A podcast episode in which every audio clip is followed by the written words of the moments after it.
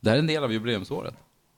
Ja, just Mind det. you, ja, tio, ja, men jag hörde det. November Ja. 93, nej, eller nej, 2013.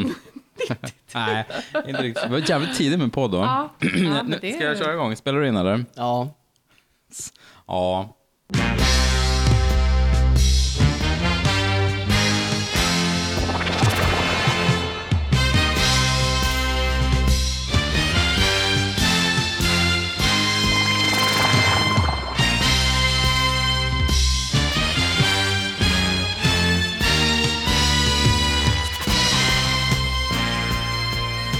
Hej och välkomna ska ni vara till ännu ett härligt avsnitt av Intresseklubben Antecknar. Jag heter Per Persson. Vid min sida har jag min gode, gode vän. Jesper Viking. Hej Jesper. Eh, vanligtvis brukar jag säga hur är läget, men vi, vi, jag skiter i det nu. För att vi har en gäst nämligen. Ja. Vi har ju dragit igång en serie eh, som heter Fem formativa filmer som vi gör en liten tweak på. Och idag har vi som gäst eh, Johanna Holmin. Välkommen. Hej. Kul att du är här. Kul att vara här. Du är ju en filmpersonlighet eh, här i Stockholm. Du jobbat med Tempofestivalen, du jobbar på Njuta Films, du har jobbat mycket med eh, Monsters of Film som är en skräck och genrefestival som funnits i Stockholm eh, under många år. Du ledde den i ungefär 9-10 år va? Ungefär tio år. Mm. Sen tog det stopp. Precis. Och nu är vi kollegor på Filminstitutet och jobbar på distribution och visning och pytsar Vilket ut. då var anledningen till att det tog slut mellan mig och Monsters och film Ja. också. Så, ja, Det blir en jävla situation om du ger dem det blir jättemycket så. pengar. Ja. Det blir... Jaha, var det och, därför alltså? Ja. Okej. Jag tänkte också att när det har gått tio år då kan man lämna över sitt barn till Ja. nästa person. sitt- sitt. Precis. Men framförallt är du här för att du är en stor skräckfilmsdiggare. Det stämmer. Ja, Ja. En, eh, en auktoritet inom området skulle vi nästan våga Den där säga. gamla. Ja. Eh, det står det på din Facebook-sida nämligen, så jag läser till här. Men, men du, hur startade ditt skräckfilmsintresse?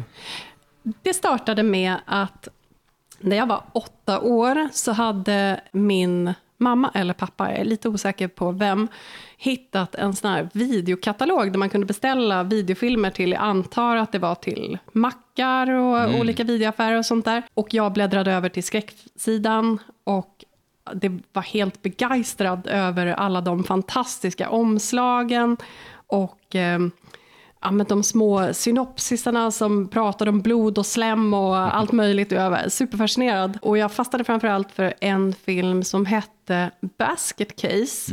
Med en otroligt läskig framsida med klor och ögon som tittar ut ur en liten springa. Eh, och jag läste den om och om igen. Och på natten så drömde jag om den här basket case. Eh, att han klättrade upp för min trappa och väste åt mig. Och, eh, ja. Sen dröjde det faktiskt 20 år innan jag såg filmen på riktigt sen. För jag var så fruktansvärt rädd. Sen var den ju kanske inte fullt så läskig som, som jag hade föreställt mig, men Nej, Ja, men den är mysig. Omslaget lovade ju ganska mycket. väldigt mycket. Ja. Jag måste säga att jag har bara sett Basket Case 2, för den körde vi på en Aha. filmfestival back in the day. Ja. Men det var, det var lite som Evil Dead 2, att den var mer rolig kanske än läskig. Ja. Fast det Alltså- var ganska kläggig var den också, Ja. vill jag minnas. Ja, jag har inte sett tvåan. Det kanske var liksom, när jag sett ettan så kände jag att då hade jag mättat behovet av Mm.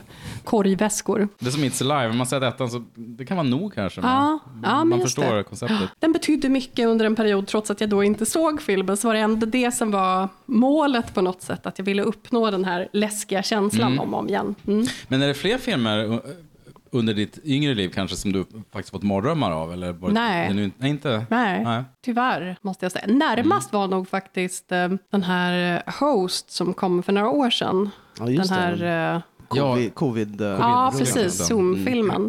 Eh, Den var ju svinläskig. Ja, det var bra. Vi såg den dessutom på landet, nersläckt, det var höst. Och jag visste inte riktigt vad det var för sorts film. Alltså jag var ja, katastrofrädd verkligen. Vågade inte somna på så här, tre timmar efteråt. Nej. Men jag tycker att det är lite charmen också, att vara skräckfilmsintresserad och också bli rädd. För jag, jag blir skiträdd för, för skräckfilm, eller viss sorts skräckfilm. Men det är lite det som är själva grejen också. Vad tyckte du om uppföljaren som han gjorde, den här Dashcam? Ja, den har jag inte sett. Du har inte sett den? Nej. Polariserande. Ja, den såg vi. Den var inte riktigt lika mäktig som Host vill jag minnas. Jesper och jag kollade ju skräckfilmen och våra kompisar Peter och Adam på söndagskvällar.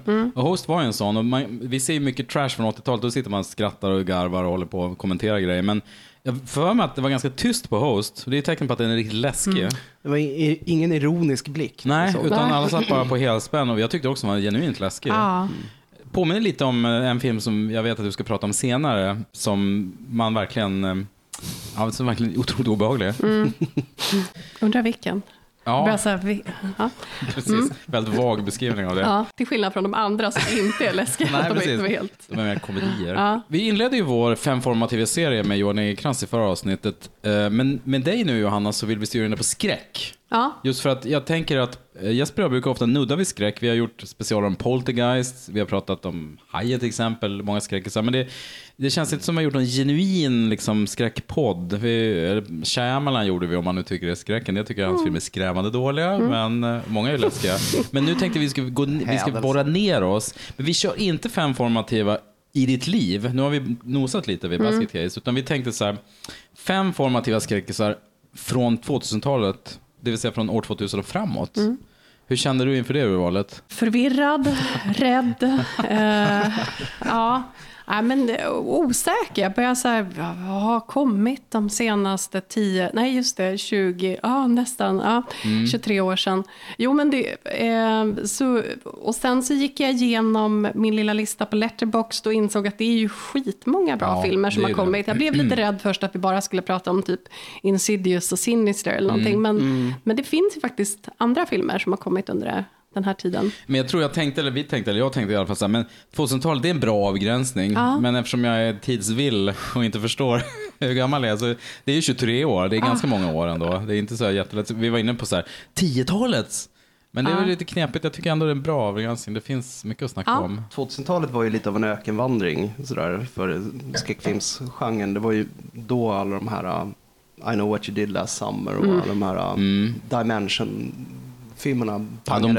90-talet Så- verkligen. Ja, men det var väl typ mitten av 10-talet när det började komma sådana här Blumhouse. Ja, precis. Mm. Och A24 började dyka upp där någonstans, tror jag. Va? Mm. Och eh, det började komma sådana här, vad är det kallar för, elevated horror. Ja, upp, Mm. upphöjd skräck. Vilket är en Detta kritiserade begrepp. Ja, Till skillnad från den andra skräcken. Som ja, ja, precis. Dumskräck. Ja. Kanske bättre att kalla det korkade människor. Prestigeskräck brukar jag kalla det. För Ja. Det säger Ja, ingenting om kvaliteten, Ja. utan bara Nej. hur man paketerar det. Premiumskräck. Men, eh, Man skulle ju nästan kunna säga A- A24-skräck, men det håller inte riktigt för man jämför till exempel The Witch med Bodies, Bodies, Bodies så är det ju två vä- väldigt, väldigt olika filmer. Det känns som att A24-skräck var länge lite, ja, men lite arthouse-skräck, men Mm. det har ju branchat ut lite mer. För Bodies, Bodies, även om den är woke, om jag får säga det löjliga uttrycket, så är det ju fortfarande en klassisk slasher på många sätt. Ja, jag, för, jag är med i någon grupp på Facebook som heter typ A24 Lovers eller någonting. Och där är det ju ganska många som brukar lägga upp filmer som är not A24 but och så vidare. Och så är det filmer som då på, liknar eller påminner om A24-filmer. Jag har ju försökt eh, hålla mig lite ifrån A24-filmerna för att jag tänker att det, det är lite uppenbart på något sätt att man, jag, någon gillar A24-filmer. Jag älskar ju A24-filmer. I love elevated horror.com. Men jag tänker mig att det är lite för förutsägbart kanske. Jo, men vi är väl också fans. Nu pratar jag som vi, jag och min hustru, jag och min eh, vän Jesper. ja. Vårt, vi, men jag vi, är gillar- väl också jag gillar Vi gillar jag. Ja. Men det, med det sagt så, många av de här um, Eggers-filmerna och Astro-filmerna är ju redan ganska sönderdissekerade. Mm. Så det kan vara svårt att komma med en ny take på dem. Men jag tycker de förtjänar ju ändå att pratas om. Man kanske ska låta det vila i 10-15 år. Och sen kan man t- Mm. blicka tillbaka och kanske göra en omvärdering. Eller... Mm. Jag hade någon idé så här. Vi kan göra en, en de tio bästa Blumhouse-filmerna. Sen gick jag in och kollade så här. Films produced by Blumhouse. Det var ju 150 filmer. Ja. Det, alltså, Det det är ju så här inte. 10 per år sen. Alltså det, det var ju så många fler än jag fattade att det skulle vara. Och många har ju såklart inte sett. De man har sett kanske liksom elitnivån av filmer. Så det gick ju inte riktigt. Nej, det finns Snacka ganska stora skillnader. Ja. Ja, Ingen jämförelse med A24 för det är ju olika skolor kan man väl säga egentligen. till och med en hyfsat dålig A24 är ju ändå en ganska bra Blumhouse. Mm.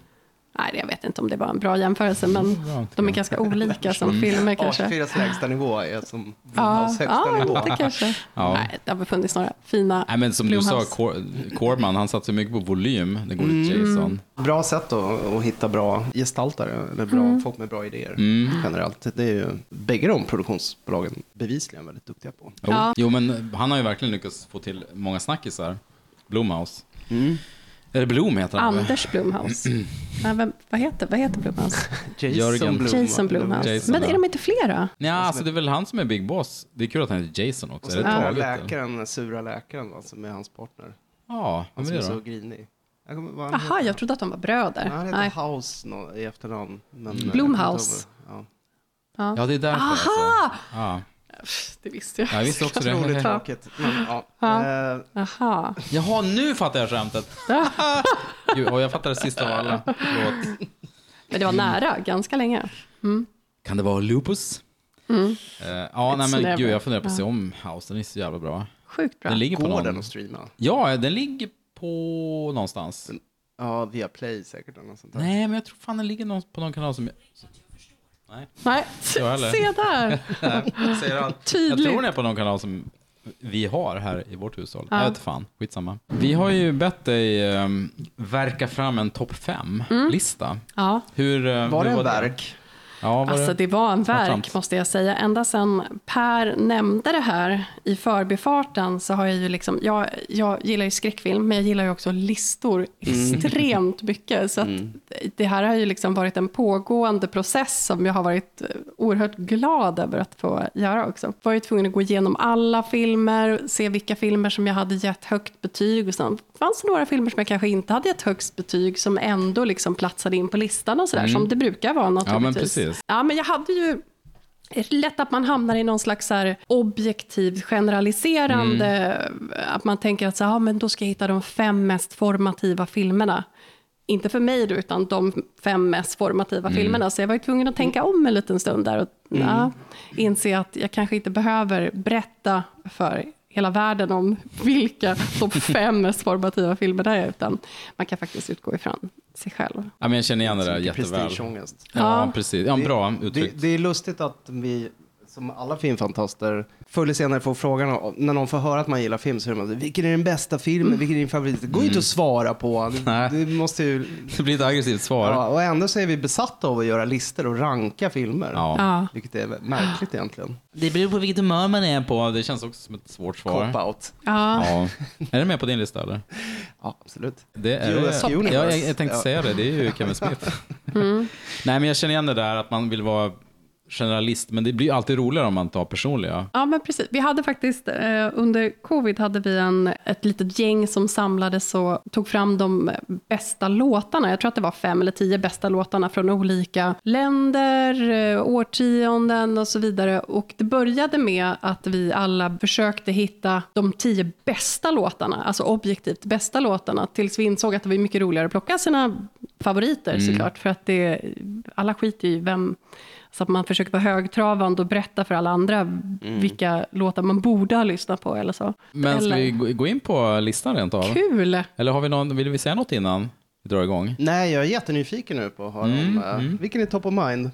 Eh, ja, men min första är ju REC, den spanska. Åh, från, Spanien. Ja, precis från 2007.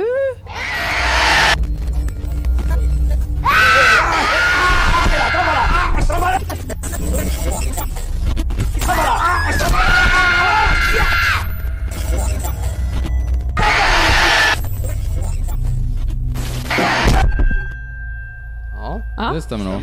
Ja, ehm, den, alltså snabba zombier, Mhm. det är ju skitläskigt. För det första, att eh, det var ju ganska nytt att zombier fick vara snabba. Tidigare de har ju varit långsamma. Det blir en helt ny take på zombiegenren. Om man nu vill säga att det är zombier, det behöver man ju inte heller. Jag menar, går man lite längre in i räck-mytologin så kanske man, ja, vi får se var man hamnar där. Men i, vid första anblick, det är en sjukdom, den gör att människor blir eh, besatta av att döda andra människor. Sen var det ju också så att jag hängde ganska mycket i Barcelona under första delen av 00-talet, så det här var ju liksom bekanta gator och husen kändes igen och sådär. Så att det var ju inte mitt, för det var ju inte inne i Stockholm eller i Sverige, men det var ändå någonstans där jag hade varit. Och det gjorde det ju ännu mer intressant. Och sen naturligtvis found footage-delen. Jag är ingen found footage-fantast sådär egentligen, men just det här liksom med att det var nyhetsankare gjorde det ännu mer realistiskt. För då är det inte någon har hittat en gammal film, Nej. utan det här var ju liksom tänkt att det skulle bli objektiv eh, framställning av eh, en utryckning. Mm. Det är väldigt smart. Alltså Ja. berättigande av att kameran alltid är på. Just Ja, det, men att de, det är ju den ständiga utmaningen för Ja. footage. Hur ska man få det att bli Men här är det, rimligt? Som du säger, nu löser de det genom att säga att Nej, men vi måste rapportera det här för nu kränks civila Mm. rättigheter Ja, och de ja. håller oss inlåsta, Mm. polisen och myndigheterna och det här måste vi skildra sanningen. Ja. Det, det är väldigt snyggt gjort faktiskt. Jag tycker hela, hela räck... Eh, alltså, första filmen tycker jag är så himla fin för att man får veta lagom mycket. Det är någonting som händer, man får en liten bit hela tiden men någonting förändras så att det finns någonting som ligger bakom hela tiden. Och mystiken hålls liksom tillbaka av att jag får liksom inte veta allting. Sen får man en liten, en liten peak på slutet men inte tillräckligt mycket. Så att det är, ja, jag tycker det är super, superspännande. Den är ju mästerlig och som du säger, liksom portionera ut information. Ja, och så att den inte är amerikansk Ja. eller engelsk. Det är Mm. superkul. Dessutom, ja. Blir läskigare också. Ja. Det är inte så välbekant allting. Det är ju inte en lugn sekund i filmen heller. Nej. Den har ju ett sånt otroligt driv. Ja, Samtidigt som den ändå lyckas göra rollfigurerna väl tredimensionella jämförelsevis med många andra found Ja. Det är många mänskliga ögonblick. Mm. Som till exempel den här polisen som är stressad och drar vapen på dem. Och, och den här brandsoldaten klappar honom till. Alltså man bryr sig om dem just för att, ja. Jo, man känner på barn och, och äldre damer och... just det. Ja. Mitt barn har, eh, vad är det, halsfluss. Mm. Tänker man direkt, oh-oh. Ja, ja precis. Det var hunden. Ja. Skott i huvudet är bäst tror jag. Det är väl en klassiker. Mm. Ja, Ja. men det ska jag säga. Nej, men- Och sen så Javier Boté som ju eh, är liksom själva behållningen med filmen egentligen. Att slutet, vet, får man, spo- man får inte spoila här va? Ja. Jag Olika skolor där. Jag tycker man ska Ja. värna om det, men Jesper bara äh, är det mer än två år gammal ska är man nästan spoila. 20 år gammal. Ja, Ja, ja, men alltså Javier Boté, alltså som har, han har ju varit med i supermycket efter det. Han är ju så här Mama, han är Crooked Man, han är Slenderman, han är också den här hobon från Det och häxan i nya Det-filmen.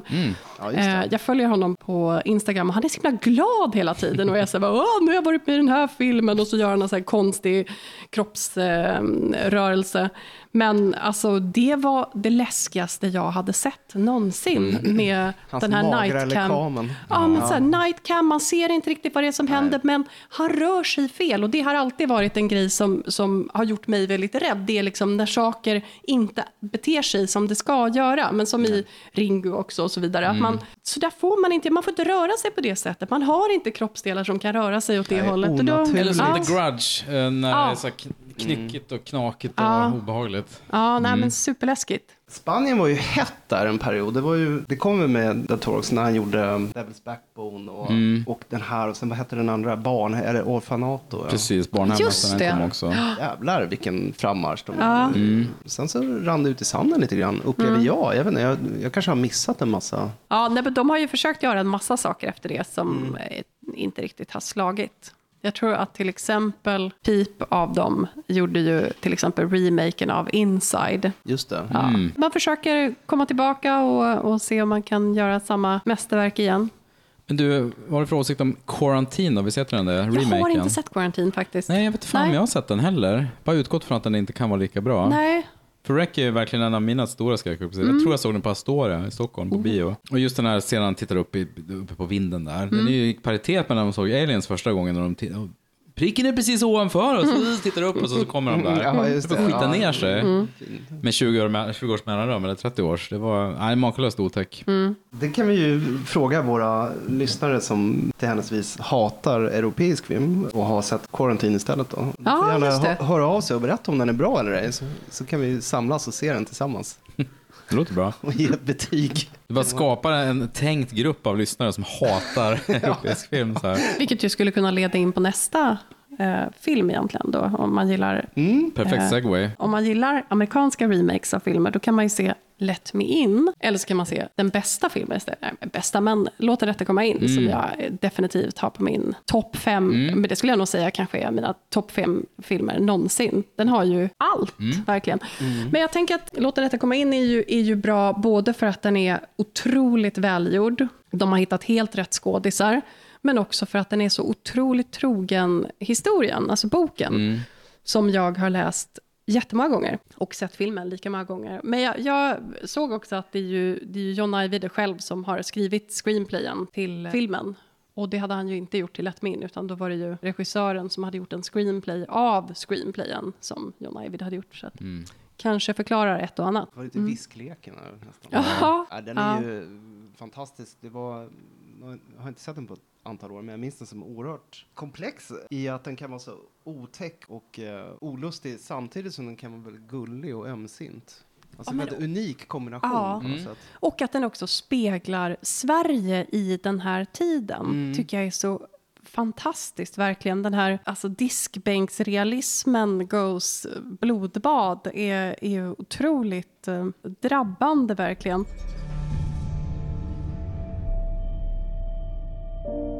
Måste bjuda in mig. Vad händer om jag inte gör det?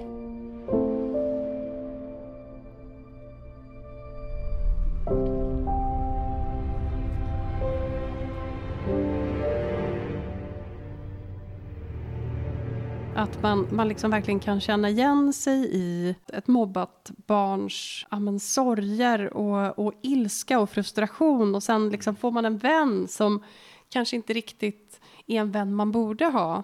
Eller kanske borde ha. Det kanske är just en sån vän man borde ha för att se till att man överlever dagen. Jag var inte där asofta, jag menar, men eh, emellanåt när det var någon film kanske som gick på Kaskad, hette den? Mm. Vilket alltid var kul att den hette Kaskad för att det bodde så många alkisar i Blackeberg. Ja, vilket ju också är jättemycket med i både boken och Ja. filmen. Att de här alkisarna har, har en väldigt stor roll i filmen. Att de är en del av själva liksom, handlingen. Jag har ju tyvärr inte läst romanen trots att Åsa, min hustru, har tjatat på mig flera gånger. Hon är ett Ajvide-stan och hon växte upp i Norra Ängby så att hon kan ju Blackeberg som sin bakficka. Hon sa att det är så, så det här var det, det var exakt så där. Hon har liksom fångat det perfekt. Mm. Att hitta rätt skådespelare till rätt roller. Det går ju liksom, De har verkligen lyckats hitta, ja, jag vet inte om hur han var i verkligheten, men de har lyckats framställa honom som, jag menar, han är ju en outsider, han ser lite, lite, lite annorlunda ut jämfört med de andra kidsen.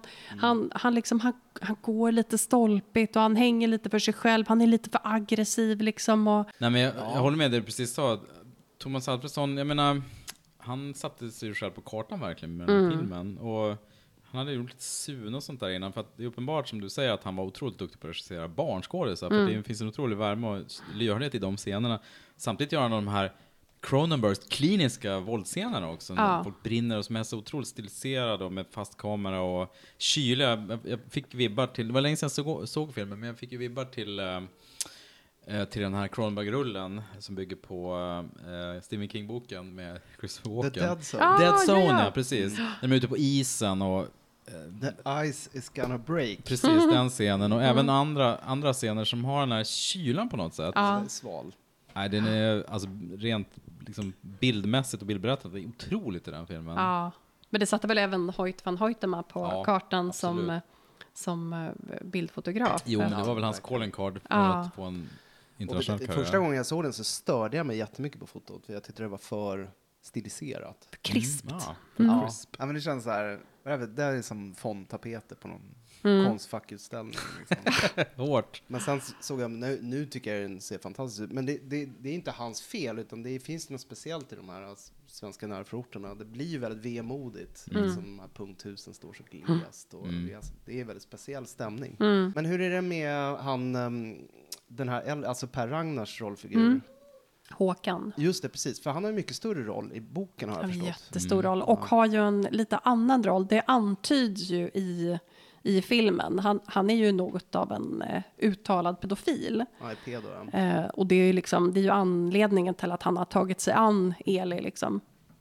Och det, det tycker jag man kanske kan antyda i filmen, men tittar man på till exempel Let Me In-filmen så har de ju tagit bort det helt. Och i den här serien, den här skymfen till serie som jag nyligen har sett första avsnittet till, Ja. då har man ju tagit bort det helt. Då är han bara en schysst farsa liksom som bara vill hjälpa sitt barn.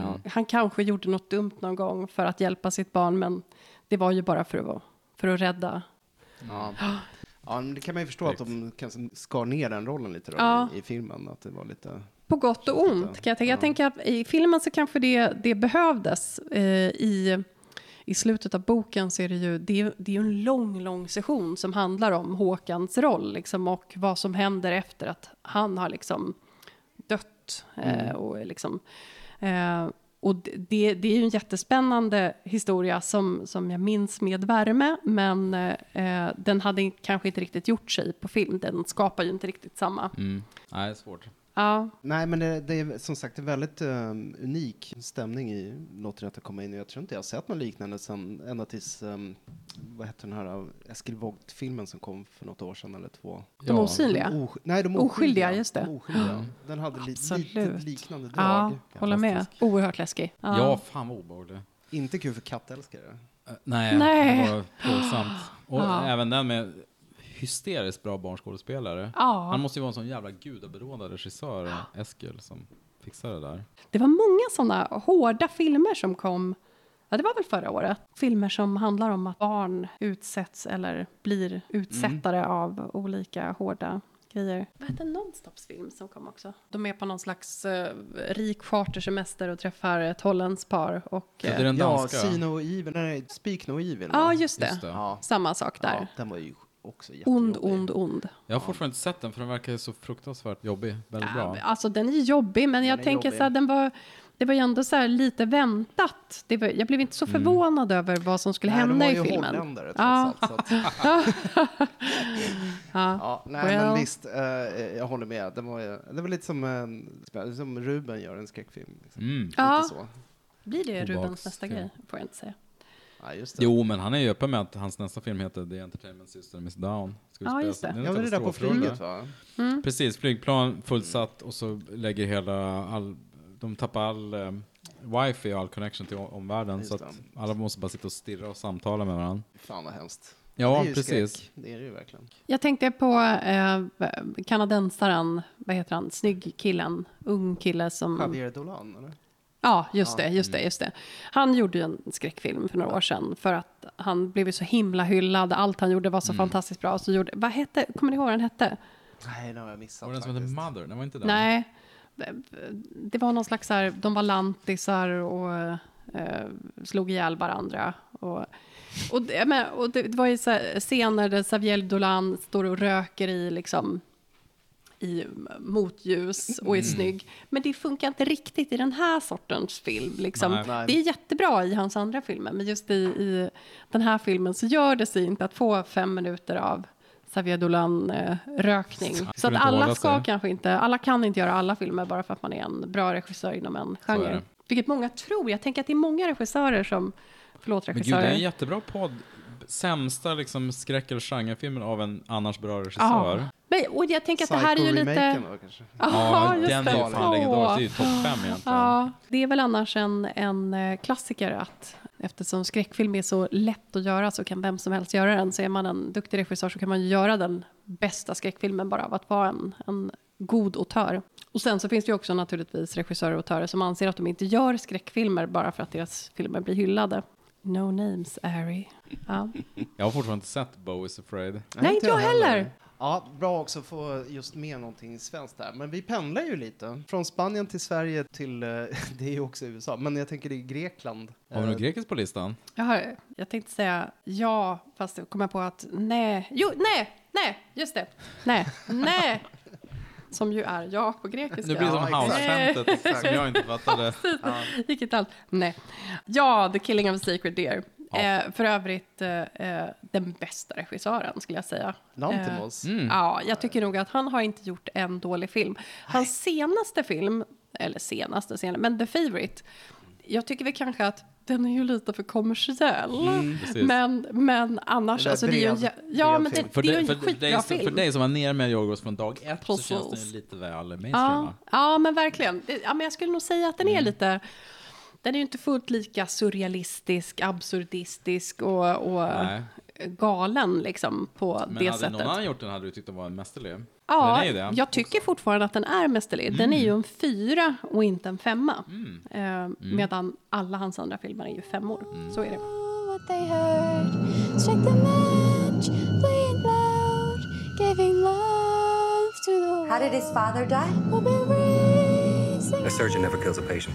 An anesthesiologist can kill a patient, but a surgeon never can. Cause we got the fire, fire, Don't be scared, Mom. Yeah, we You'll see. fire, You won't be able to move either. But you'll get used to it. it burn, burn, burn. Where is she? What did you do to her? We're gonna let it burn, burn, burn. I don't understand why I should have to pay the price. Why my children should have to pay the price. It's the only thing I can think of that's close to justice. We can light it up, up, up. So they can put it out, out, out. Mm, Älskade Dogtooth, älskade. Lobster, älskar Killing of a Sacred Deer, som jag tycker är underbar. Jag, jag är ju ett fan av feel filmer Mm. Det finns ju de som gillar feel good. Jag vill gärna se någonting med feel good. Jag vill jättegärna se en film med feel bad. Så fort någon säger att ja, men det, det är lite så här feel bad, oh, tänker jag, det här är, det här är något gött. Ja, men jag mådde jättedåligt när jag såg Ah. Killing of a Sacred Deer. Eller hur? Mm. Att, och jag, vill, jag tyckte den var fantastisk, men jag skulle aldrig vilja se om den. Nej, ja, det, det tar ju lite emot måste Ja, jag säga. Jag har själv sett den två gånger och andra gången skulle jag säga att jag ångrade mig lite. Det hade nästan räckt med att se den en gång för att den, är, den ger ju liksom den rätta känslan första gången av att man inte riktigt vet vad som... Jag älskar filmer där man inte riktigt vet vad som händer, Mm. uppenbarligen. Men eftersom den inte är linjär heller så, så går den ju liksom i riktningar där, där det är helt omöjligt att veta ja, men vad är nästa steg? Vad är deras relationer till varandra? Vad, vad gör den här snubben här? Varför, vad är han för slags pedogubbe liksom? Och så är han kanske inte det. Och, och, och sen liksom deras avhumaniserade karaktärer gör ju liksom, man kan inte dra paralleller. Och ofta så känns det som att när man ser, oavsett vilken film man ser, så har man möjlighet att det är liksom filmens charm. Att, att man kan dechiffrera, ja men det här är en sån film, det här är en så, och den kommer att gå i den här riktningen. Här är helt omöjligt att veta vilken riktning det kan gå. Också för att man inte får någon information. Allting är ju sterilt, från miljöerna till dialogen till liksom utseende, hur de agerar mot varandra. Förutom då Barry Keoghan. Jag tror att det ska uttalas Keegan. Keegan. Det är Keoghan, men... Vänta du, jag har eller, faktiskt Men kollat nu, upp vi det här. killgissar nu alltså. Ja, det som gör vi vanligt. verkligen. Barry Keoghan. Keoghan. Jaha, man ska Keoghan. säga Keoghan. Okej. Barry Keoghan. Ja, där fick vi på Ja. Ja, jag tar tillbaks. Det, jag tror Keoghan. för min del att det var första gången jag såg honom. Och han gör ju ett Ja. otroligt intryck. Fantastiskt. Och så roligt att de har mötts igen i The Banshees of Inisherin. Ja. Ja. Men så vitt skilda roller. Ja, men ändå liksom att det, de har samma lite Mm. relation. Då, så. Ja, nej, det, är, det är en helt fantastisk film som lämnar en med munnen öppen och hjärtat urslitet. Den är ju nästan så här självparodisk Lantimos för att den är så extremt stram och eh, Ja. formell.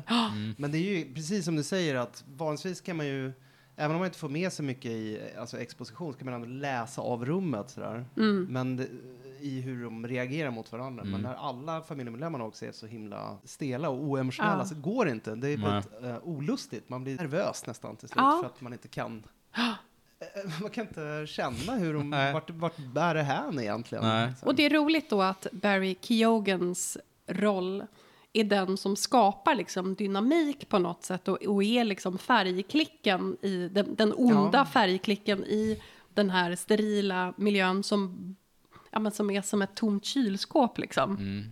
Eh, att hans, eh, hans roll blir den mänskliga rollen av liksom de här avhumaniserade. Ja, Det är fint. Och sen är det också alltid kul med såna här flugornas herre-upplägg när man bara strippar av samhällsfernissan ja. och de börjar vända sig mot varandra. Och, det är så jävla kul. Ja. Men ändå så himla enkelt. Det är ju, det är ju bara en vanlig Ja. grekisk tragedi Ja, ja, egentligen. som man bara har plockat upp andra liksom, delar i. Hans estetiska grepp går ju lite i, i konflikt, eller kanske snarare framhäver hans otroligt elaka sinne för humor. De är ju väldigt roliga, många av hans filmer Ja. också. Samtidigt som de är så otäcka. Ja. Kring och sekreterare är ju mycket svart humor i.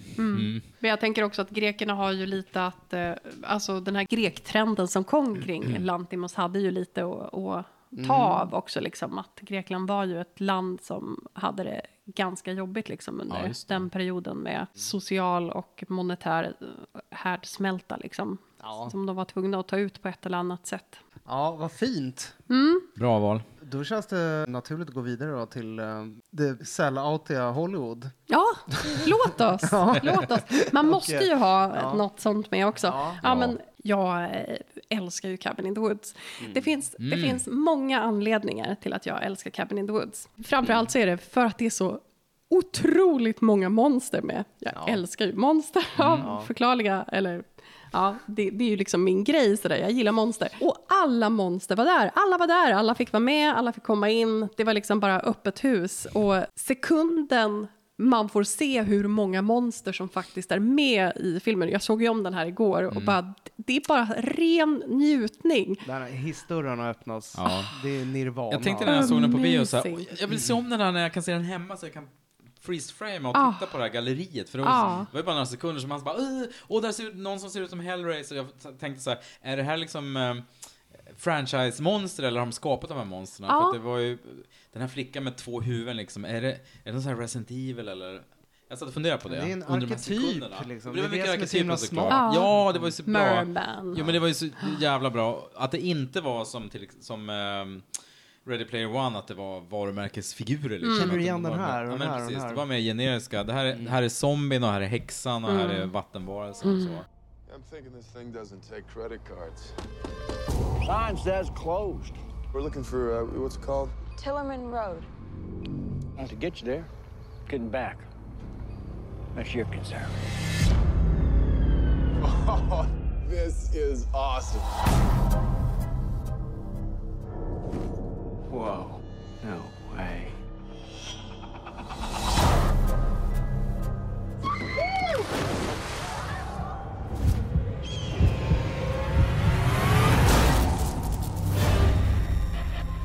The lambs have passed through the gate. They are come to the killing floor. Get this party started! I seriously believe something weird is going on. Och att man också har the one and only eh, skräckgubbe med att, att det handlar om de, de uråldriga. Eh, vi kan väl 2P, spekulera i att det är Kutte kanske, vår, vår vän Cthulhu kanske som sitter där nere och drar i sina Ja, tentakler.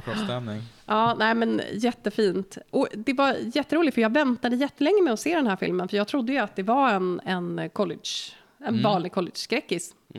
Och eh, en, en bit in i filmen så trodde jag ju fortfarande att det skulle vara det. Liksom. Den börjar ju på det sättet att, ja den börjar inte riktigt på det sättet, den börjar ju liksom i ett kontrollrum. Och det, det kan man ju tycka är så här, ja men vad är, vad är dealen med det liksom? De pratar om någonting som man inte riktigt fattar. Och sen så går man vidare till, ja men så här, halvnakna rumpor, the jock eh, och ja, man pratar om, Ja men Det är många Ja. genrekast där. Det ja men verkligen. börjar som Office Space och sen blir det bara en supergenerisk Ja. uh, slasher, 2000-tals slasher. Mm. Och sen, Och det är inte min kopp te alltså.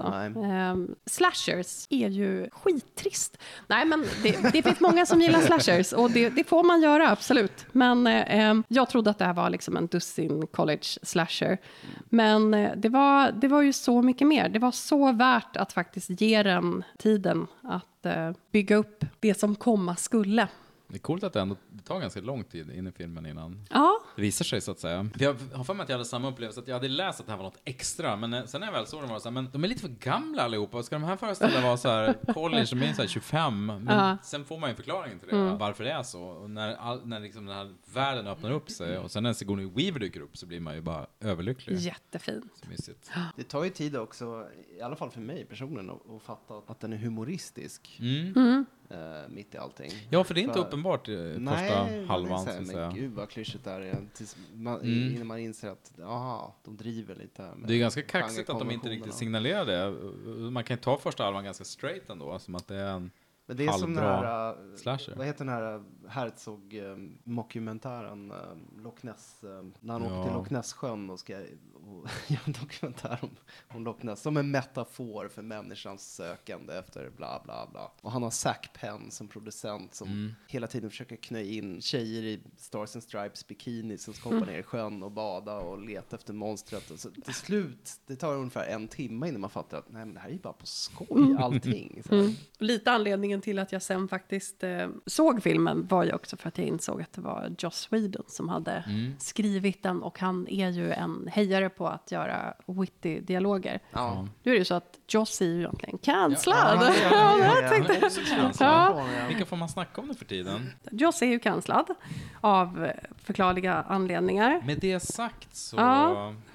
Men Jag skulle också säga att han har ju liksom tillfört viktiga delar i sina filmer. Att han liksom har en, det finns en feministisk ton, det finns en ton om att så här, eh, ja, men kvinnor är starka, det finns också så diversity och grejer. Och nu har man ju förstått att han har gjort det för att Ja, för att det skulle vara en trope, att han skulle liksom få pengar. Hans fru har typ bekräftat att det egentligen så är han värsta assholet, men han har fattat att man får, man får mycket men samtidigt, avtrycket blir ju fortfarande att så här, hans filmer, alltså Buffy-serien och även den här och mycket annat han har gjort, har ju en viktig roll för hur man som framförallt ung, ung tjej har sett på liksom världen och att man har en, en stark roll och så vidare.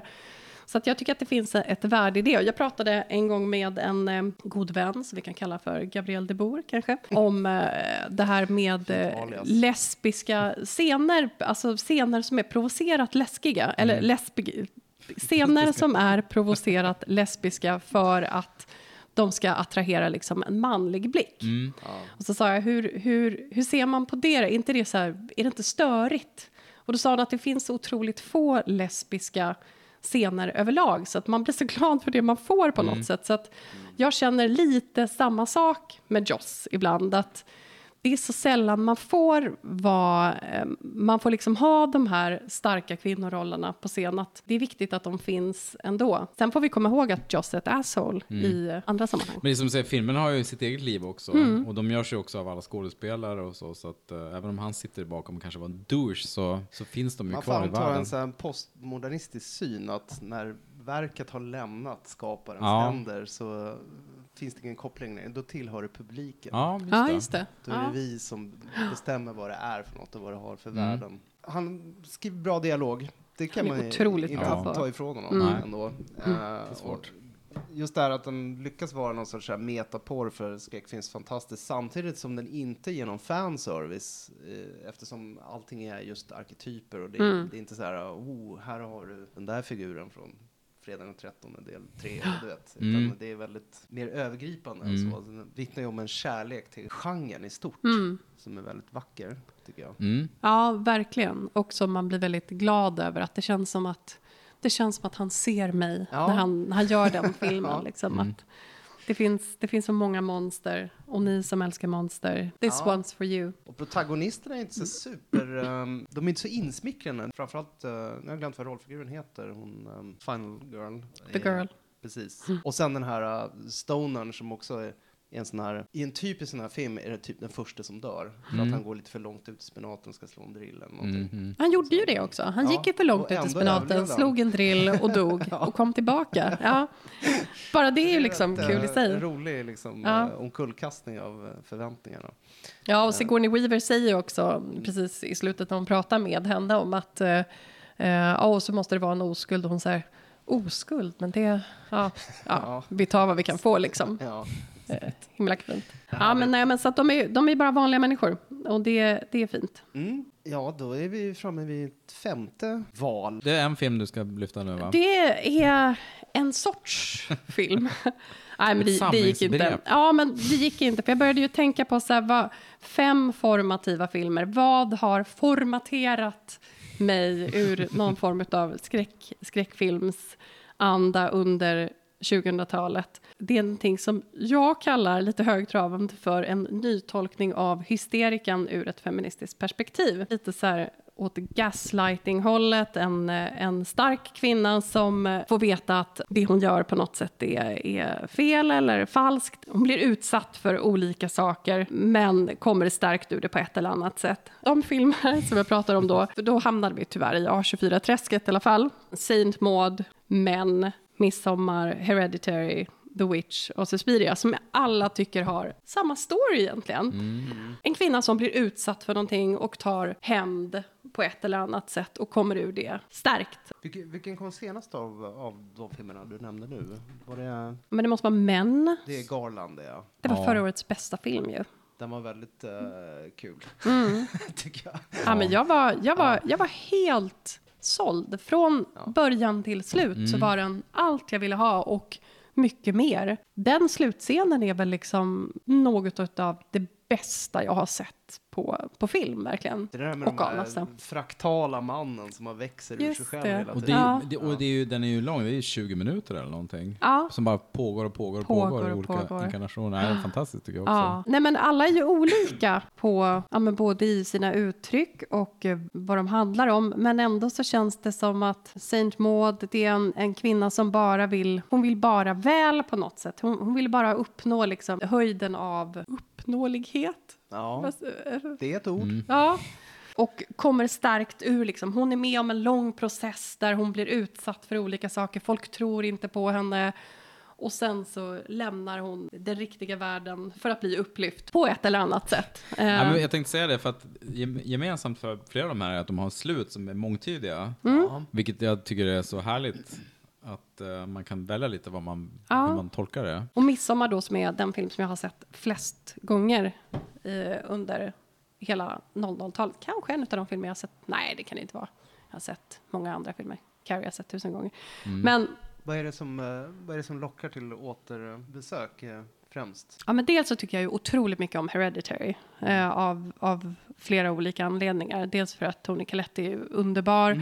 Jag gillar liksom den här eh, kultistiska, rituella delen, den här, jag älskar folkhorror-biten. Och, eh, ja, men också att den är så... Man tror att det ska vara liksom en så här uh, The Conjuring, uh, hoppa upp eh, skräckfilm och istället så är det någonting helt annat som handlar om att man bara också vill uppnå nirvana på ett sätt. Men Midsommar är så mycket mer för att den, den börjar i ett sånt otroligt mörker, går över i ett sånt fantastiskt ljus och avslutas med den perfekta, också nirvanan på ett eller annat sätt. Ja, det jag gillar mest med den är nog att eh, jag, jag hade någon slags vag idé om att själv göra film en gång. Det har väl alla haft på ett eller annat sätt. Men det jag ville göra då var att göra en, en skräckfilm helt i dagsljus. Gärna på midsommartid i de svenska skogarna. Så bara kom den här filmen två år senare. Jag bara, Harry, läs det. Eh, Så att det var ju också liksom att te- tematiken stämde helt överens med vad jag själv ville se. Liksom.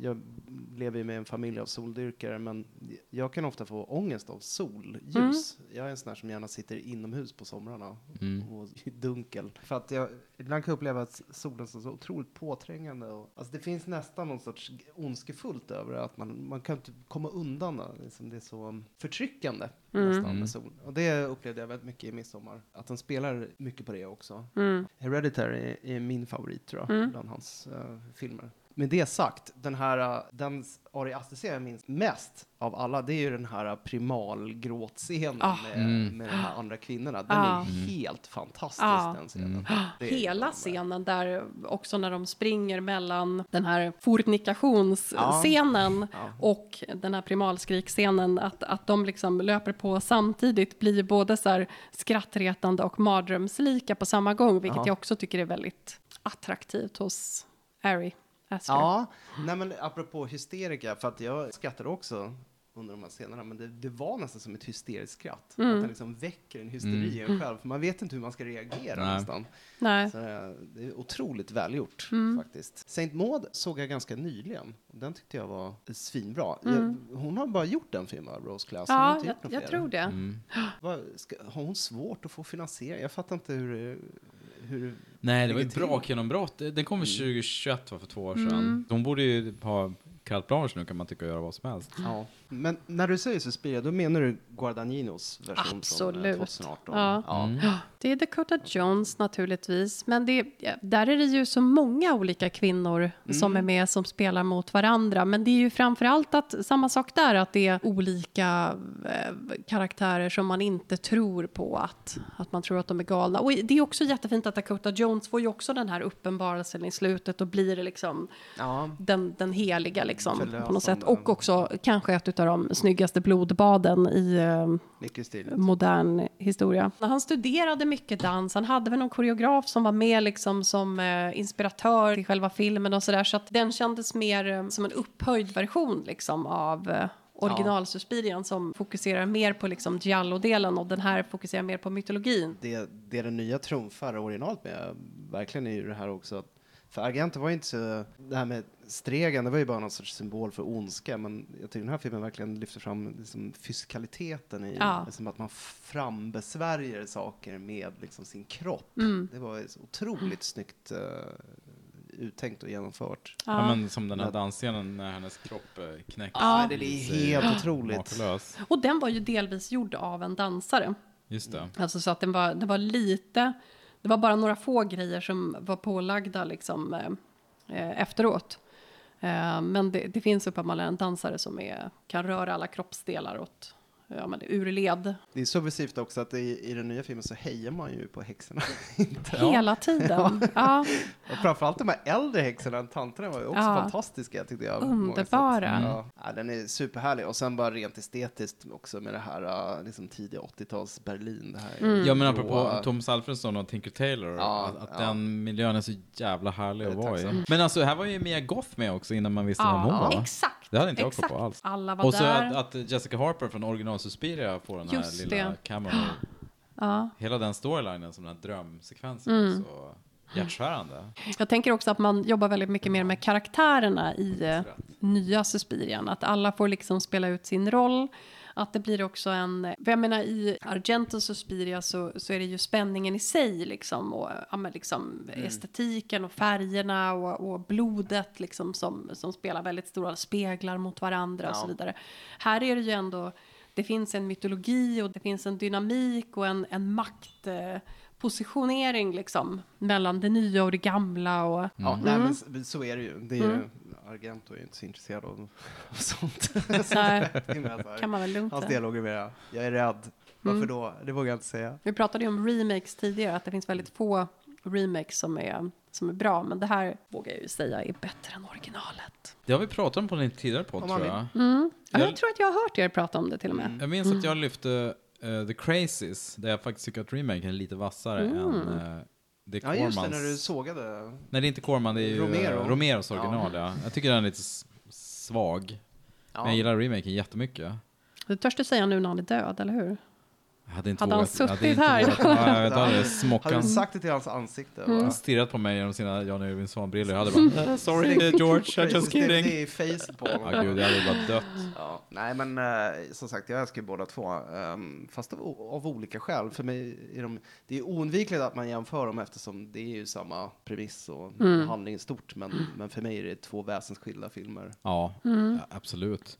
Det är nästan ett hån mot den, mot den att kalla den en remake, för den, är så mycket rikare om man ska säga. Men skulle ni säga att skräckfans generellt är mer konservativa när det gäller remakes? Det är nog olika bland Mm. olika läger, tänker jag. Är man ett hardcore skräckfan, då är man nog öppen för alla slags skräckfilmer och är Mm. nyfiken på remakes på ett eh, annat sätt.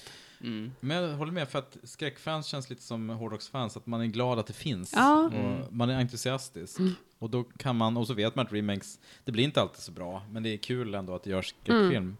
Det är väl min bild av skräckfans egentligen. Ja. Uh, gemen, sen kan det finnas folk som är lite mer... Entusiastisk och inkluderande. Ja, exakt. hårdrocksfans Precis. ofta är också. Mm, Det Ja. vill vi ju, vi, det vill vill, man ju vara. vara. Som vi var inne på tidigare med att arthouse-regissörer tror att de, att de kan göra vilka filmer som helst bara för att de är duktiga på att göra filmer. Mm. Luca Guadagnino har ju gjort en, en hel del väldigt bra arthouse-filmer Mm. men kan uppenbarligen även göra skräckfilm. Ja. Så att han är Han har många strängar på sin O2. lyra. strängarna. Ja, men jag tänker att hela det här sjoket också handlar ju ganska mycket om hämnd. Att ta någon slags hämnd på patriarkatet, att ta en hämnd Ja, på liksom... upprättelse. Upprättelse, absolut. Mm. Ett tema som jag gillar väldigt skarpt. Carrie är ju min absoluta favoritfilm. Ja, jag tänkte Alla just fråga det kategorier. om Mm. mm. Carrie låg här och lurade. Carrie är ju den ultimata filmen av så många anledningar. Också missförstådd. På affischen så står det ju så här If you want a taste for terror, take Carrie to the prom. Ursäkta, det är inte det filmen handlar om. Filmen handlar om att folk är dumma mot Carrie och de får vad de förtjänar. Det är det filmen handlar om. Är du dum mot Carrie, då blir du dödad. Punkt slut. Ja, exakt. I marknadsföringen var hon ett monster. Helt sjukt. Ja. Ja. Ja, nej, det lirar inte med filmen. Men jag gillar det också att... eh, Med tanke på den förkunskap som fanns kring boken, för boken var Ja. ju en bestseller. Ja, Det visst. var en massiv hit. Verkligen. Och vad är anledningen att den blev gjord egentligen? Mm. mm. Så är det jättekonstig vinkling. Ja, men det är alltid fler som ser filmen än som läser boken. Men jag gillar att De Palma är lika ondskefull som King, att det är ing- ingen får respit. Även John Travolta som är den snälla, han, Ja. han måste också dö, för han är Ja. ändå en av mobbarna. Mm. Eller vänta, visst, visst dör han? Ja. Klarar han? Ja. Nej, han dör. Ja. Nej, jo, jo men just det, i slutet. Ja, det. Ja, jag tänkte den sista. Jo då, absolut. är väl eh, den här uh, mesiga... Det kanske, Ja. förlåt, det är William Ja. Katt som är den snälla sonen killen. som, Ja, just det. som bjuder Travolta är inte så snäll. Nej, förlåt, jag blandade ihop Ja. Han är bara korkad. Mm. Ja. Ja, vad häftigt. Jag sitter här och försöker hitta någon sorts, eh, någon, någon övrig röd tråd egentligen i de här eh, filmvalen. Det slår mig att förutom, um, förutom The Cabin in the Woods så är det ju ganska strama filmer. Mm. Alltså, de, de befinner sig inte i det, den mustiga änden av uh, skräckspektrumet. Nej, Kan man säga. Nej. inget, inget för gorehounds. nej. Det finns ju, finns ju många fina Ja, Gore-filmer ja, också men om man tänker såklart. på Ari Aster så han pytsar ut Gore, fast mo moderat Modest. kanske, lite då och då. Mm. Men det, han, han brassar inte För, på för som... större effekt kanske. Ja men exakt, han, han vet när han ska, som ättestupe-scener liksom, det är ganska bra. Gore. Ja. Ja. Eh, där kommer det. Ja, men vad fint! Det var ju härligt. Rykten gör gällande att du har en annan liten lista med små nedslag i... i Best eh, of. Best of-lista i, i, i uh, genren. ja, men då har jag tagit fram bästa jakt. Det finns en otroligt fin scen i en fransk rape revenge-film som heter Revenge, eller Revanche kanske den heter egentligen. Just det, av den ja. Coraline Ferjot, kanske hon heter. Kom den Nej. 2018 där Ja, det va? låter nog rimligt. Ja. Är det en jobbig brännmärkningsscen i den? Ja. Ja, Ja. då vet jag vilken det är. Mm. F- Filmen är, är helt okej. Det är en, en spännande film för att vara en rape revenge-film gjord av en kvinna. Eh, Mm. Naturligtvis. Och den har ju liksom...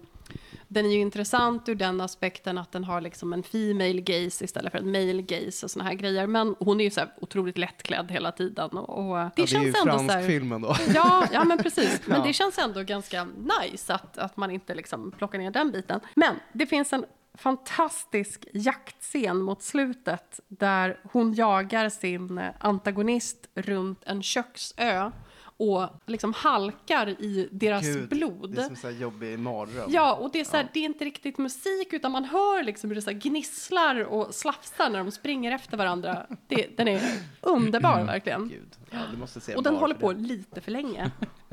Halka i blodet är så jävla bra skräckfilmstrope. Ja. Eh, Ja, hon jag tänker bara på Cape Fear som är min favorit halka i blod-film. Det är ju bara en scen, det är ingen, kanske en regelrätt skräckis, men eh, när Cusack eh, blir mördad med en stryp där så blir det stor jävla blodpöl. Ah. Nick Nolte kommer in och bara Wii! ramlar och... Topp tre halka i blodfilmer. Ja, Så exakt. är, Midnight Meat Train är väl också en sån Ah. i Ja, det var mycket halka i blod i Sen, den. mycket CGI-blod dock, Mm. tyvärr. Ja, Ja. Räk, hur ska, vi, ska, vi, ska, räk, ska det räknas? Det har ju blivit Ja, men en det är otyg. förlåtligt. Det är en sån otroligt bra film, verkligen. Mm. Ja, den är, Ja, det är härligt. eh, Clive Barker gory. jäckar uh, filmvärlden. Det görs ganska få Mm. Barker-filmatiseringar. Jag, jag tänkte ju spontant direkt på den här scenen i eh, Texas Chainsaw Massacre. När Leatherface jagar den här stackars Sally. Du vet när hon och Franklin i, i rullstolen tar sig upp till det här huset. Den jaktscenen är ibland det värsta jag sett. Jag kommer ihåg någon double feature på, jag tror det var Bioriv, var inte du med den kvällen också? När de visade Texas Chainsaw Massacre och Carrie som en, eh, Nej, jag var fan inte med då. som en double, double feature. Åh, vad vilken Ja, dröm. det var en magisk kväll. Men Mm. just den, jag kommer ihåg den scenen när Sally blir jagad, du vet, in i huset, upp på övervåningen, hoppa ut genom fönstret på övervåningen, ner igen på fältet, jaga Mm. genom fältet, ut på vägen. Den tar ju aldrig slut. Och så hela tiden den här vidriga motorsågen. Alla var ju i panik. Slagkraftig jaktscen. Hon skriker konstant också, Ja, eller hon hur? gör ju det. Ja. Men det är, ju- det är ju hela filmen igenom så skriks det ju Mm. totalt. Den är ju bitvis ganska outhärdlig den filmen. För Ja. att den är, man blir så uppskruvad. Jag tänker lite spontant på Eden Lake, eh, som är så, en, en sån väldigt obehaglig rulle. Och jag, det, är ju, det känns som att som en bra skräckfilm så är nästan hela filmen en jakt, eller i alla fall liksom, andra halvan är en lång jävla jakt. Särskilt den som slutar med att hon hamnar där i badkaret och det är bara så här. Den, den kanske kommer, på- du har ju en senare kategori som heter bästa slut och den ligger ju fan och tronar där, Ja. bubblar. Men uh, Eden Lake hade den här, eh, den hade den här kvalitet att den är så jävla påträngande och att den aldrig, ordet relentless, vad heter det på svenska? Att den aldrig släpper obenhörlig. någonting. Obenhörlig. Mm. Den bara jagar på hela tiden. Och jag vet inte om den rankas som en så här stark eller bra skräckfilm, men dels är jag ju väldigt förtjust både i Kelly Riley och Fassbender då. Mm. Och Turgos då, den här lille pojkmannen från This is England, Ja. som är så jävla bra som en av barnen då. Ja. Men, det, men också som, som i Them då, spoiler, eller Ill, att det är barn som jagar vuxna. Ja. Det är något som är så jävla primalt obehagligt i det. Och jag tycker just i, i den Lake, som är en favoritskräckis, den, den, den är högt på obehagstoppen för min del. Tycker den var Mm. Agreed. jättejobbig. Och jättebra. Ja, vad är nästa på listan? Jo, förstår du. Eh, nästa på listan är bästa gore. Oh! Oj, ja nu kommer Ja, det är ju Bone Tomahawk. Åh! Alltså, Klyvningen. Klyvningen. Ja, Jag känner mig lite kluven till den scenen. Mm. ja men alltså det, det är det. ju delade fantastiskt. uppfattningar. Ja. Men alltså Precis. Bone Tomahawk är en sån här Filmen grenar ut sig. Det är en sån här film som bara, den bara smet förbi. Den Ja. är så bra. Den har så starka skådisar, det är en sån spännande story. Den, den, liksom, den driver framåt hela tiden. Jag kan inte fatta att den inte liksom... Den borde ha gått på biosalongerna. Den Ja. borde ha varit slutsåld Ja, överallt. den är Den var ju mästerlig. fantastisk verkligen. Och en av de vidrigaste Mm. gore-scener jag har sett någonsin faktiskt. Ja, den är fruktansvärd. Just den här känslan, apropå Eden Lake, just att man, man, man känner med rollfigurerna att de är bara, de är fast. Ja. Det finns ingen flykt överhuvudtaget. Nej. Och de kommer bli utsatta för det här fruktansvärda.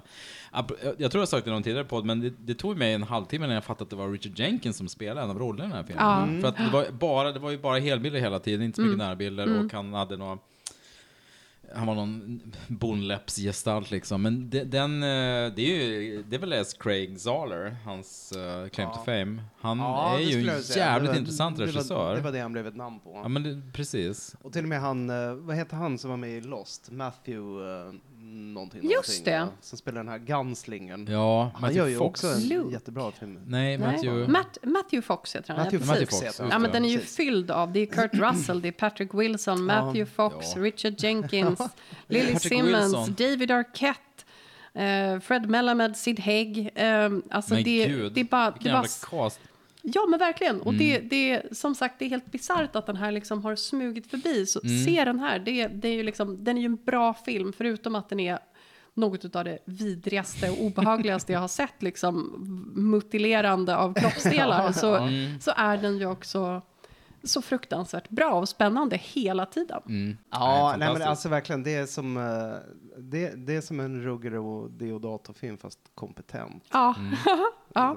Och- Den borde ha varit. och- och Jävligt bra produktionsvärden. dialog är det också Ja. Mm. Man sitter bara, vem har skrivit det här? Det, är ju, det här är ju otroligt roligt. Bra. Alltså, Kul liksom genre mashup också med Mm. så här kannibal och vilda västern. Mm. Bra, bra mix. Skojigt. Ja, nej, men den Två är roliga genrer. den Ja. Slås ihop. Bästa går, vad skulle det kunna vara? Jag tror jag nog... Eh, det är kanske nog inte mest, det mest går jag har sett, men det som jag aldrig någonsin kommer glömma, det är nog den här scenen i The Thing, du vet när Copper ska de defibrillera Ja. Norris heter han? Mm. Och eh, bröstkorgen öppnar sig och Ja. biter av armen på. För den scenen är den, den kommer jag nog, kanske att den flashar förbi i mitt dödsögonblick. För att den, är, den sitter så djupt. Mm. Liksom. För mig är det sinnebilden av en gore-scen Mm. på något sätt. Jag har precis läst en sån här, jag- jag köpte på, på loppis eh, en sån här BFI filmguide ni vet. De har ju en lång, lång serie med dem, om The Thing. Och det uppfriskande med den var att den var, BFI Classics, eller vad fan de heter, Film Classics, den var ju skriven på 90-talet. Det vill säga innan The Thing hade blivit eh, en som den är nu, omhuldad och utgiven Ah. hundra gånger på Blu-ray. Det var så här, ja men det här är en förbisedd film, vi är några få som liksom, vi hörs på mail. Var, vi är lite community som älskar The Thing. Det var så fint att det var en försvars... ehm, appell för The Thing, som ju nu har, liksom, nu har det ju vänt, nu, nu är det ju slentrian nästan att älska The Thing, eftersom den är så fantastisk. Så det var, det var mysigt. Bara som en pandang till det du sa. Ja, just det. Alltså bästa går för min del, det finns jättemycket att välja på, men jag, jag skulle nog vilja ta en film som jag kanske såg innan jag hade blivit en riktig skräckfilmsfan, även om eh, mina tidigaste filmminnen var liksom att jag såg The Brood av Cronenberg när jag var alldeles för ung, och jag såg mycket skräckisar, Halloween och sånt där, och blev påverkad. Men på Umeå filmfestival så körde vi Peter Jacksons Brain Brain Dead. Åh! Och eh, då tänker jag nog framförallt på gräsklipparscenen. Ja. Det finns ju många, alltså, det finns sådana här roliga um, middagsscener när han tappar örat och kroppsdelar lossnar och så här. Men just när han drar, när han revar igång motorsågen Ja. och bara, Det är så otroligt, och det är roligt också. Det är Ja, så gud vilken bra film gory. det är verkligen. Ja, det är ju det. Den är så fruktansvärt bra. Mm. Det är sånt slöseri som jag tror du sa till mig häromdagen att va- varför, nu håller han på att göra de här jävla Hobbit-rullarna. Mm. Tänk om han, ja men det var, Det är lätt, det var det är som lätt sa att det. glömma idag att han var en så här kinetisk filmregissör Mm. en gång i Ja. tiden. Och ju liksom på, nästan i paritet med Sam Raimi. Men var det Den du som sa är att helt, helt och hållet Mm. om. Sagan om ringen hade floppat, då kanske han hade gått tillbaka till att göra mer Ja. lågbudgetskräck. Och det är lite synd istället för att göra de här tre usla Hobbit-filmerna för hur mycket pengar som helst. Och nu har han inte gjort något på jättelänge känns det som. Nej. Han- jo, han- vad var det hans senaste film? Ja, men han gör ju bara de här Beatles... Uh, Ja, alltså Ja, just det. Den var och för sig svinbra. Ja, det absolut. Det var ju det, jävligt men det är det han lägger tid på nu. Det var ju slow Han TV, gjorde det är den här, meditativt. först den här första världskrigsgrejen. Ja, just det. Ja, den, den koloriserade... Ja, exakt. Och sen Ja. blev det Beatles på det. Okej, Så- det är två, ändå två bra filmer. Men jag vill se Gore. Det, det får man... Så heter den. Den var Mm. jättefin.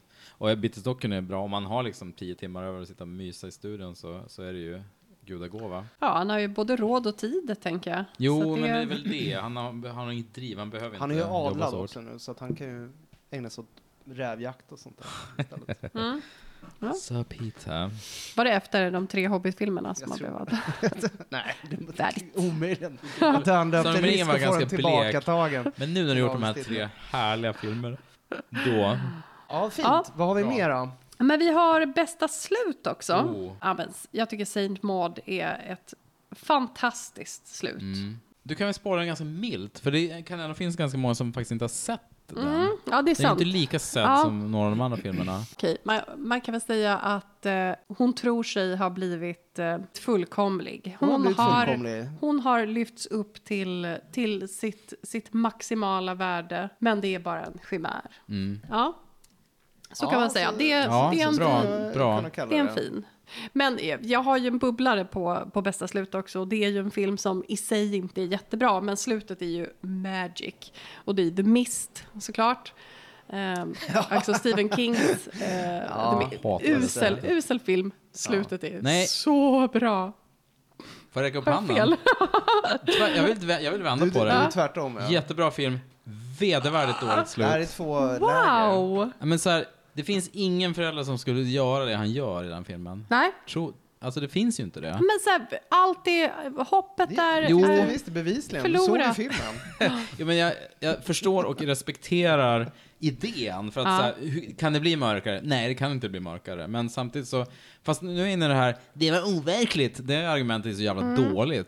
Så att jag kanske tar tillbaka det. Men jag hade svårt för det på, på, av något skäl. Men jag förstår ju, jag hör vad du ja. säger. Ja, vad du säger. Men du har inte rätt. Ja, nej, men i, i liksom sann feelbad-anda så skulle jag säga Ja. att det är det ultimata Ja, det feelbad. eh, och man förstår, jag förstår ändå så här, världen är på väg att gå, ta slut. Jag, jag vill ju liksom inte att, att mitt barn ska vara med om det Nej. absolut värsta.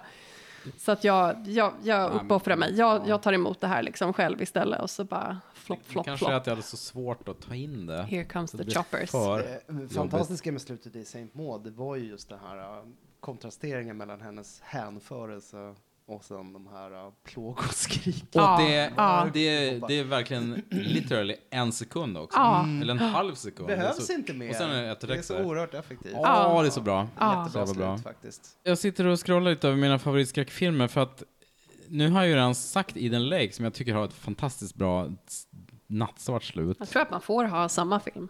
Om, om, Ja, om den är tillräckligt Men jag, stark. Ja, precis. Jag tänkte att... Men då eh, blir det din absoluta favoritfilm någonsin. alltså att du vet. Nej, men det är ju lite, det är lite Då får du knepigt. ta bort fyra rullar från Letterboxd så att du bara har en liggandes i din. Mm. Men om jag säger så här då, eh, för, får jag ta en klassiker? Så slutet på Romero, apropå Romero då, om jag, om jag, Romero. jag har ju gjort en, gjort en hatattack. Fjäska på Jag Romero. ska fjäska lite grann.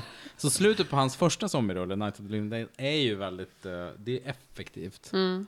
När de här redneck-lurkarna kommer och han som varit hjälte i hela filmen bara där blir summariskt skjuten i huvudet. Mm. Det är ju, det lirar med hela filmen med den här otroligt hopplösa stämningen i filmen. Att det bara slutar så. Det tangerar ju slutet i The Mist. Det kan man säga. Just det där. Mm. Att, eh, Se där. Ja, ja men det var, jag gillar det. Bra slut. Det är väldigt bra slut. åt Nej men okej, men jag, då drämmer jag till med eh, slutet i eh, The Blair Witch Project. Ja. Åh, Oj, oj, oj. Apropå eh, det här att man inte berättar för mycket. Mm. Alltså det är, hon springer in där i huset och har Mm. hennes kompis står där i, i hörnet och sen bara slutar det. Så jävla obehagligt. Mm. Jag när man såg det på bio och bara, Ja. fan vad- Effektivt. Ja, vad som men hände? herregud, jag höll på, Ja. på att skita ner mig. Sen kom Ja. Book of Shadows. Det pratar vi inte det, om. var, det var intressant. Men, Nej, det eh, hände inte. Nej, det Men alltså, det, det är något som är imponerande med en film som, den har ju många kvaliteter i övrigt, men just en film som lyckas bygga upp mytologin så till, så till Mm. den grad att en suddig svartvit bild av en snubbe som bara står med, i ett Står hörn, med alltså, ryggen mot, att man bara dummerjöns. håller på att dö av skräck när man Mm. ser det. Ja. det. Det är ju så jävla skickligt Mm. gjort. Ja. Jag håller ju med, det, det är ju det är ett minne för livet, den slutscenen. Mm. Jag var ju så här, Ja. Och sen kommer eftertexterna. Det är... Alla bra. vet. Ja, Och alla vet. och då blev vi ändå inte utsatta för den här virala Nej, marknadsföringen för det som var de innan hade i dess. USA, där Mm. folk trodde, verkligen trodde att det var på riktigt. Det trodde man ju inte här. Mm. Men, då, men det var ju en del av hypen också, att så här, Ja. det här trodde folk Mm. var på riktigt. Så Fast man fick ju ta del av det, kanske i samband med att filmen Mm. kom, så visste man att, att det var en hype i USA. Man kunde själv gå in och kolla på webbsidan och Ja. sådär. Så att det var, jag tyckte ändå att det var effektivt. Även den, den virala marknadsföringen funkade ändå för att höja filmens värde även i Sverige. Ja, nej, men jag håller med. Man kommer i stimung. Liksom. Mm. Ja, men precis. Jag vill påpeka att jag har ju tagit, eh, eh, mina nedslag har ju varit från 00-talet. Ja, det Men har det, jag. vi, jag, jag känner att jag, Vi- vi, vi kanske... Mm, Ja, jag vi, fattar. Jag, jag, håller, jag håller det så. Jag gör det. Ja, Vi, vi tar ut svängarna lite mer. ja men det, Vi- det är helt okej. Och jag, jag är ändå här i Fri- egenskap av frifräs, någon ja. slags 2000-tals... eh, Fanbärare Ja. för, eh, för det Som ju kanske inte 2000 är min- min- 2000-talet. Min absoluta ålder egentligen, men... Eller jag vet inte, det, det är nog lite blandat. Alltså, Ja. um, även slutet på The Witch som, som var med på din lista är ju ett fantastiskt bra slut. måste man säga. otroligt. Apropå upplyftande. Ja, I dubbel bemärkelse. Ja. Ja. Sen, sen apropå din Good absoluta favoritfilm Carrie så har ju den också ett, ett eh, klassiskt chockerslut. Ja. Om man nu ska välja slut, apropå Blair Witch, som man verkligen blir rädd av, för det här var ju så här, må hända ett billigt knep, Mm. men det funkar ju, man är blir det ju samma rädd. slut i remaken då? Om vi ska hålla oss till 2000 Åh, jag Åh, jag har inte sett det. den. Vad kul det vore om det var det. Ja. När Carrie kom så, så var det ju inte så vanligt med jump scares på samma sätt heller. Nej, Så att jag tänker sant. att det gav en ganska stark effekt. Jag kommer ihåg att den gick på Mm. tv när jag var ja, men, 10-11 någonting. Och de andra som hade sett den då var ju framförallt rädda för just den scenen. Att de var så, åh, det var så läskigt liksom. Mm. Eh, Jag tyckte ju mest att den var vacker och stärkande. Och jag kände så här, det här är ju min, mitt mål i livet, att kunna förflytta saker telekinetiskt. Mm. Mm. Jag har inte lyckats än faktiskt. Cool. Näst, Härligt. Vad är nästa Nästa nedslag? nästa nedslag är bästa filmdjur. Jag la till monster. Mm. Jag tänker att man måste kunna. Jo, det är ofta det är det i Ja. skräckisar. Och det bästa filmdjuret måste jag ändå säga är Black Phillip. Gulle, Ja, gulle honom Ja, i från The Witch, ja. Ja, just det. Eh, Ja. Geten där, eller bocken. Absolut. Mm. Väldigt eh, ehm, karismatiskt djur som man ju tänker bara är en Ja, det är bara en vanlig get. Mm. Tills han ju faktiskt eh, ställer sig upp och är värsta djävulskillen Mm. liksom. Ja, han vill att vi ska leva delikat. Men bästa... Som jätte gör. Ja, bästa monstret tycker jag är eh, den nya Kajun i senaste Godzilla-filmen. Mm.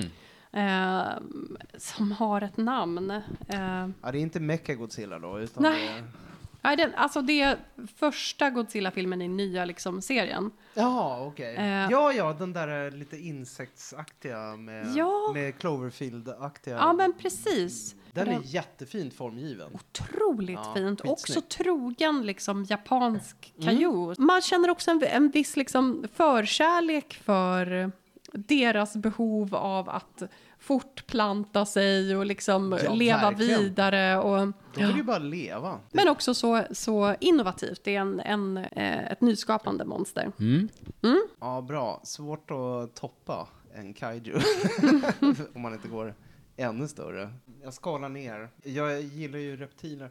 Jag måste, jag måste nog ta krokodilen i Lake Placid ändå. Den är så, den är så larger than Mm. life. Och, och så loj. Och, och, alltså, slött illvillig som krokodiler och alligatorer ofta är på ett härligt sätt. Mm. Plus att det är en förvånansvärt eh, liksom effektiv matiné. Jag, tycker, Mm. jag såg om den för något år sedan. Till Mm. så här, det är ju väldigt underhållande. Den, den håller ju fortfarande. Ja.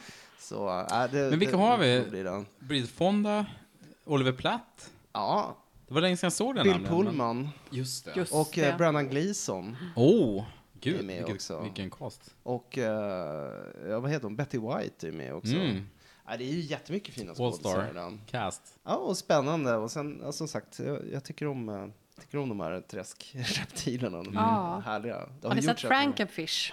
Nej, jag har inte gjort. Underbar film Ja, då också. måste, ja. då, då måste jag se den. Ja, en bra val. Jag tar Ja. Lake Placid. Mm. Den, är, den är kär i minnet. Om jag skulle vilja fritt ur filmhistorien så är det ju redan nämnda Tingesten från The Thing, det är ju mitt favoritmonster. Mm. Och då, kan man ju, då ingår ju också den, den eh, eh, hunden, chefen i liksom, Mm. som, eh, som Skjut hund! Måste jaga hund! Skjut hund! Skjut!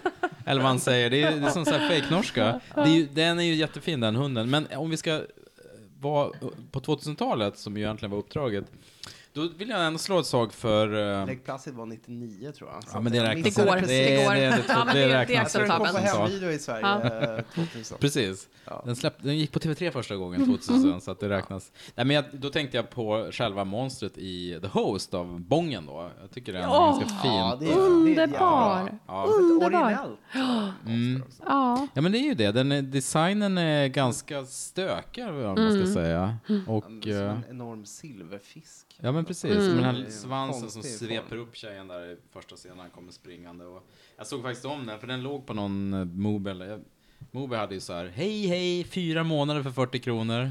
Det är väl svårt att motstå. Mm. Ja. Men jag tror de hade, de har inte så mycket film, men de hade The Host. Så Den här, låg också på SVT Play nyligen. det kanske var där jag såg den. Sitter jag och försöker vara mäktig med Mobi. Ja, men gör det. Det var säkert mäktig SVT med Play. Moby, Jo, men det de var hade ju flera, Play. de hade ju eh, hela bångens övre där. Ja. Nej men så det, det, det är ett bra... Fantastisk film monster. också. Ja den är svinbra. Mm. Vad har vi? Ja, men nu ska vi se här. Vad, vad ligger på listan? Eh, största överraskning? Ja. Mm. För mig var den största överraskningen... Alltså filmer man inte trodde skulle vara bra? Eller Nej, det är nog inte filmen, utan jag tänker mig en överraskning i en film. Mm. Som man Ah, blir, blev liksom surprise. överraskad av. du? Ja. Okej, okej. Den största överraskningen för mig var... Eh, det skulle kunna vara födelsescenen i Män. Mm. Men, men det är nog ändå eh, lyktstolpscenen i Hereditary. Åh, Ja. Jag, herregud. men jag var så oförberedd. Jag hade ingen aning. Jag hade, Mm. jag hade liksom inte, jag hade missat, eller jag hade väl låtit bli att läsa, jag brukar inte läsa liksom recensioner och sånt där innan. När det hände, jag och min kompis Anna som var och kollade på filmen, vi liksom drog efter andan exakt samtidigt och, och andades liksom inte ut på typ två minuter. Det var bara... Ja, nej, det var, det var jag tror att jag fortfarande inte har återhämtat mig Ja, på, men på samma här, samma här. Och liksom scenen efteråt, när han bara sitter i bilen och bara väntar liksom, för att han är i sånt chocktillstånd. Det var, ja, det var mäktigt. Jag kommer jag kom faktiskt inte på något bättre. Nej, det, det, är- det är jättesvårt. Jag, jag, jag, får nog, eh, jag ansluter mig till kören på den. Ja, Alltså det, ett i supertråkigt val som Jesper kommer hånskratta åt, det är ju att jag är, eftersom jag aldrig fattar någonting av eh, twister och sånt, så twisten i Sjätte sinnet av M. Night var ju ändå en överraskning för mig. Även om ni var säkert tillräckligt smarta för att förstå det. Men det var ju ett ganska milt what the fuck moment jämförelsevis med den här huvudscenen, Lyktstolpen, som bara så här, det hände det här? Har det här hänt? Eh, Jag Stämmer det fattade här? inte slutet i sjätte sinnet första gången jag såg den. Det, Nej, du, även om det var pedagogiskt. eh, jag trodde du var en sån här som hade förstått det har jag redan. sagt det så ljög jag för att låta smart. cool. Ja. Nej, det gjorde jag inte. Ja, du menar att du inte fattade det innan slutet? Nej, eller? exakt. Ja, nej, men det, Nej. Gjorde, det gjorde inte jag heller. Nej. Men då var det ändå en överraskning. Ja, det var Men en The överraskning. Others däremot, där hade jag greppat det lite innan faktiskt. Mm, ja, det, där, jo, där var det lite mer, Det var, sant. lite, det var tydligare. lite mer nässkrivning. All right. Ja, du knäckte med ditt Men då, val då där. är det alltså den objektivt mest överraskande scenen. Ja, Ja. Se där, Ari Aster säger att hans filmer är bara Ja, men skit. Hereditary är ju en grym film. Det, är, Ja. fantastisk film. det här är bara ytterligare ett bevis på det. Mm. Också en film som är så kvävande eh, oppressive och obehaglig. Så jag, jag har bara sett den en gång när den kom på bio och jag har inte riktigt orkat se om den, även om jag vill se om den. Mm. Midsommar är ju lättsam i jämförelse. Ja. All right. Vad, vad har vi sen då? Läskigast. Ah. Läskigaste film? Ja, jag skulle inte vilja säga att jag är en sån härdad skräckfilmstittare så jag blir inte rädd. Alltså jag blir inte alltid så rädd. Ofta så blir jag eh, så här, imponerad och fascinerad och man kan få liksom så här, rysningar. Man kan tycka att så här, stilistiskt är, är filmer väldigt snygga och kan tycka Mm. att, ja, men liksom att det finns en skrämmande faktor och så vidare. Men så finns det filmer som, som man faktiskt blir skiträdd av. Jag kunde, Mm. jag kunde inte välja en bara, Nej. tyvärr. Det finns en film som heter eh, Terrified, inte Terrifier, Nej. utan Terrified eller Aterados. Den är så läskig så jag har inte ens kunnat se klart den. Nej, Oj. Nej den, Det- den var så fruktansvärt obehaglig. Men det är det där med när det är ett annat filmspråk också. När, när det är ett filmspråk som man inte är bekant med. Liksom. Det var ju samma sak med Ringu och som vi Ja. pratade om vid något tillfälle, alltså Yuan, liksom. Mm. eh. Alla filmer där filmspråket är annat, man kommer från en annan bakgrund, man har liksom ett annat kulturellt Mm. ehm, språk och perspektiv och en, en, eh, det finns liksom någonting mer i kulturen och i, eh, som, som betyder någonting helt annat. Och att Rados var så otroligt obehaglig så att jag Mm. kunde inte se klart den. Det börjar liksom med en scen där ett par hör hur någonting dunkar i väggen bredvid, i lägenheten bredvid. Och så får man se att det är så en kvinna som så här, hennes kropp så dunkar mot duschväggen hela tiden. Uppenbarligen så vet man inte varför. Och bara det var för mig det läskigaste jag någonsin har sett. Liksom. Mm. Sen så gömmer de så här ett dött barn i en, i en frysbox och bara, nej, nu, nu stänger vi av här. Det här, det här går inte längre. Liksom. Det, det är för mycket. um, Du jag ställa den här frågan du sa i början. Varför ser du sådana där filmer? Ja, ja, men Varför just, där, det? just där förstod jag inte. Men jag tänker mig att någon dag i, i klart dagsljus, när det sitter en massa människor omkring mig, så kanske jag kan se klart den. Mm. Ja. Men inte nu. Fascinerande. Ja. Det här måste jag söka upp givetvis. Ja, jag har inte alls koll på den. Sen är ju Host jätteläskig. Jag blev jätterädd, det berättade jag ju tidigare. Ja, det var... Mm. När Paranormal Activity kom så tyckte jag också Ja, att de var ja. svinläskiga. Ja. Både ettan och tvåan. Mm. Jag skrek rakt ut i biosalongen och jag är inte en skrikare vanligtvis. Men jag var så fruktansvärt rädd verkligen. Och sen Ringu 2 som jag tycker är... är Mm. Ringu 1 är jätteläskig men tvåan är ännu läskigare. Det här med Mm. att hålla på med speglar, alltså man ska inte hålla på med speglar. Nej. Speglar är läskigt. Jag tänkte just på Oculus, som Ja. jag Mm. upplevde som en av få riktigt Ja. obehagliga filmer från 2000. Jag kommer inte på, det jag, jag blir faktiskt inte rädd. Det är väldigt sällan jag blir det. Men det är väl också en, tyvärr en så här, att man är miljöskadad. Man har sett för mycket, Mm. liksom, så att det krävs någonting. eh, Efter ett tag så ser man ju strukturen. Då krävs det något som avviker från det för att man ska Mm. bli Mm. skakad. Sådär. Så jag har nog inget spontant från 2000-talet. Jag kan dra en, en nostalgisk historia. Mm. Vill ni Ja, höra det? Eh, Det är väl apropå också kanske första skräckfilmsminnen. Jag kommer ihåg när jag var, kan ha varit sju, sju, åtta, eh, eh, på besök hos min morfar som bodde i Jo, den här vackra trästaden med Vättern. Och eh, han hade ett sällskapsrum, äh, huset han bodde i, det var sällskapsrummet, det var ju, alltså för huset var ju i suterräng, så att sällskapsrummet var halvvägs under jord, så alltså det var höga fönster. Det var ganska mörkt, så därmed ett perfekt tv-rum. Så satt man där, det här var runt nyår, jag tror det var nyårsdagsafton eller något sånt där. Då hade jag sett att de, de hade påat Psycho en massa gånger på tv. Det låter jättespännande, så här, läskig film. Och sen ehm, när det började närma sig Psycho, den gick vi på typ nio eller något sånt där. Och min pappa som hade en ganska libertariansk inställning till barnuppfostran, han sa är du säker att du vill se den? Den är ganska läskig. Och då sa jag, "Ja, ja, men jag gillar läskigt, jag har sett en massa Scooby-Doo. Eh, och han var så här, okej. Eh, nej men jag är trött, jag går och lägger mig. Godnatt. Och så släckte han taklampan i jäveln. Nej. så jag satt i som en mörk råtta. Och sen så började Psycho, och redan där i, ehm, du vet, i förtexterna, Bernhard Hörmans musik om det Mm. där, så kände jag så "Åh, det här kanske var ett misstag. Men jag klarade mig faktiskt genom duschscenen. Mm. Men det minns jag tydligt. Men sen så kände jag att nej, det här är liksom next level. Mm. Jag, jag kommer inte fixa det här. Mm. Så jag stängde av så rusade jag upp och la mig. Liksom var jätte, jätterädd var jag då. För jag tyckte det var så otäckt. Alltså, man förstår att man hade sett någonting som var bortom ens förstånd. Alltså Mm. HP Lovecraft. Mm. Man stirrar in i någonting som inte går att beskriva. Men... eh, Man blir galen när man stirrar ja, in i det. exakt. Men om jag tänker generellt är det absolut läskigaste, bland det läskigaste jag sett, det är nog fortfarande The Haunting, alltså Robert Wise Mm. eh, Ja. spökfilm där från 63, Just det. tror jag. något sånt där. Den tycker jag är så oerhört suggestiv och otäck. Än idag faktiskt. Ja, sen nu är jag ju 40, 40 år från 2000-talet här. Men, Ja, men det är bra ändå. det, det får nog ändå bli The Haunting. Det kanske nog ändå är den otäckaste Mm. filmen jag har sett. Mm. Den, eh, den kan jag fortfarande bli illa berörd av faktiskt.